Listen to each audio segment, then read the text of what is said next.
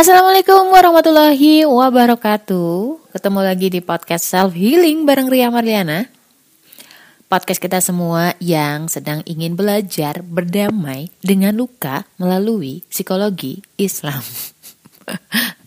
Dan kadang-kadang aku spill juga di dalamnya itu tentang karakter manusia berdasarkan golongan darah, oke? Okay? Buat kamu yang mungkin pengen tahu lebih banyak mengenai golongan darah B, aku ada e-booknya, lu tinggal klik di link di bawah ini ya. ya namanya baru belajar apa namanya? Baru belajar nulis buku yang mana itu gua publikasiin. Agak susah di gue karena kebiasaan tuh nulis paling artikel eh, artikel-artikel doang, tapi kalau misalkan buku dan harus nyambung satu sama lain itu buat gue jujur itu effortly banget. Dan aku terima kok misalkan ada yang mencela.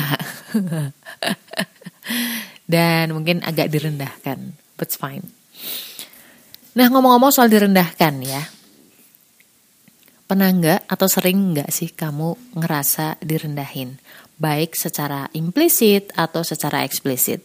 Gua rasa nih di kehidupan kita kayaknya nggak ada orang yang nggak merendahkan kita sih ya. Tetap ada aja ya namanya uh, utusan-utusan setan ya gak sih? Sehingga merendahkan orang lain dan merasa mereka itu lebih baik. Dia udah bekerja kurang lebih selama 8 tahun. Jadi sebut sajalah namanya si Fulanah ini. Uh, suatu ketika ada klien yang sampai marah-marahin dia. Intinya tuh kayak bilang, lu gak becus gitu ya. Dan bosnya justru semakin ikut merendahkan dia dengan berkata atau ngejudge bahwa si Fulanah ini itu nggak kompeten ya.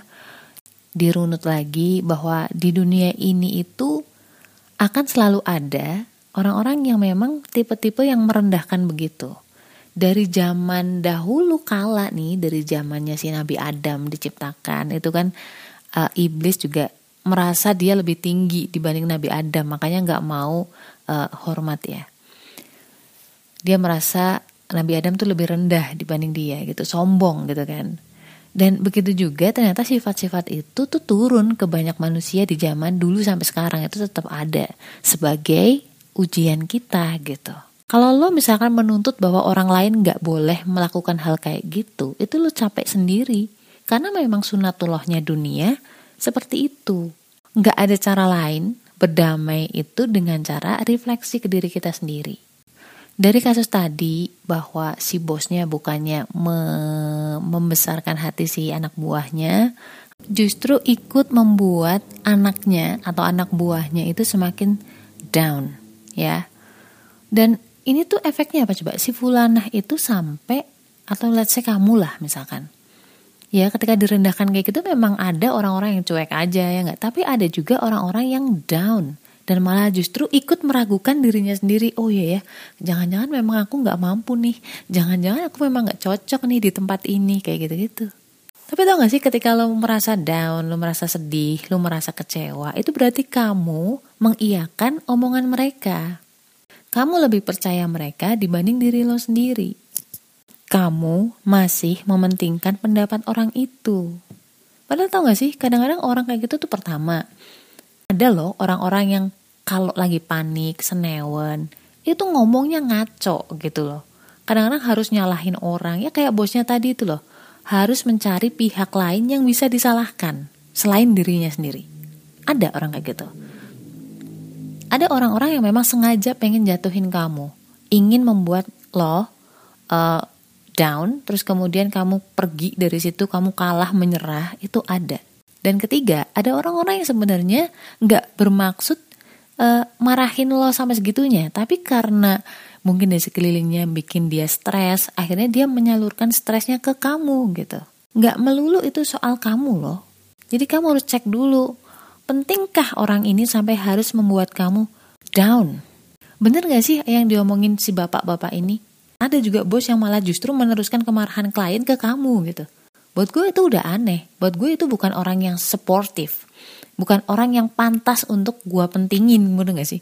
Kalau orang itu gak penting buat gue, kalau gue sih, itu uh, pendapat dari mereka jadi nggak valid.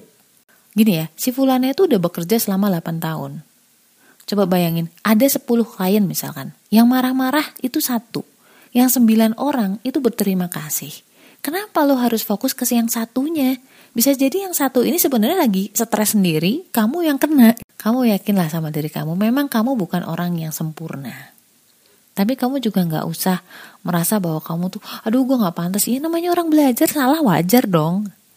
Iya mbak susah banget. Tapi gimana? Nggak bisa nih. Gimana dong? Nah memang ini lain-lain ya. Karena si Fulana ini ternyata golongan darah O. Dia tuh fokus banget ke relationship antara dia dengan bosnya Relationship antara dia dengan kliennya. Intinya dia tuh nggak mau membuat orang lain kecewa. Dan itu hal penting buat dia. Makanya dia sampai down begitu. Kalau gue golongan darah B itu ya nggak mau disalahin itu penting. Kalau misalkan ada yang salah, nggak perlulah marah-marah, nggak perlu sampai overreaction kayak gitu. Tinggal ngomong aja masalahnya di sini, di sini, di sini. Ini gimana penjelasannya gini, gini, gini, gini. Kan beres ya cuy. Buat lo yang mungkin lagi down sekarang gara-gara di underestimate, direndahkan, diragukan kemampuannya. Ubah fokus kamu.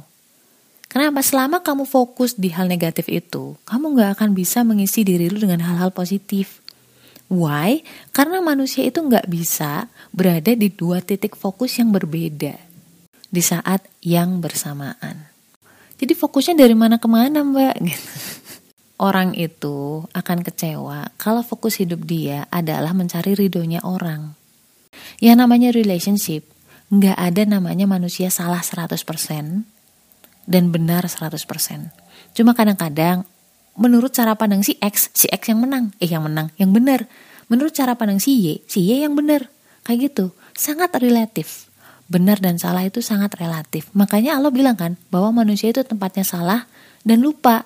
Karena salahnya aja kadang-kadang itu relatif banget. Misalkan nih kayak tadi Fulana ada masalah. Bukan berarti salah 100% di Fulana loh. Bisa jadi bosnya, kenapa nggak ngingetin gitu kan? Kenapa nggak nanyain? Bisa aja. Namanya orang ngeles, orang akan selalu bisa menemukan pembenaran atas sikapnya masing-masing, benar nggak?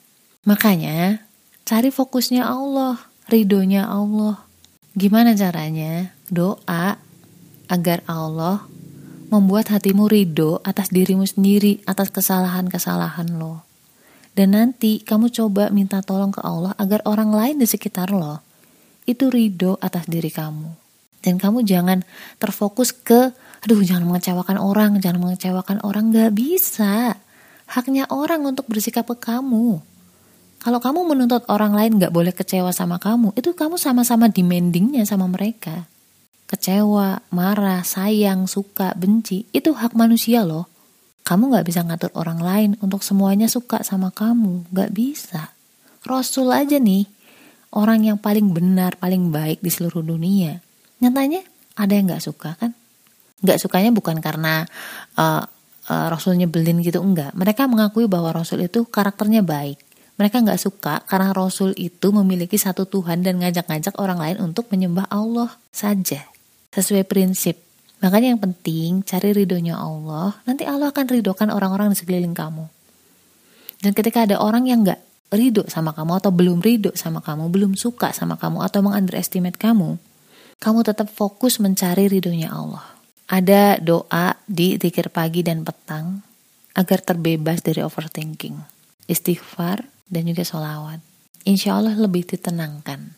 Karena namanya kamu akan dijadikan lebih baik, itu pasti harus ada ujiannya dulu. Ketika kamu mau mendapatkan kado, pasti ada bungkusnya dulu Nah inilah bungkusnya yang gak enak-enak itu.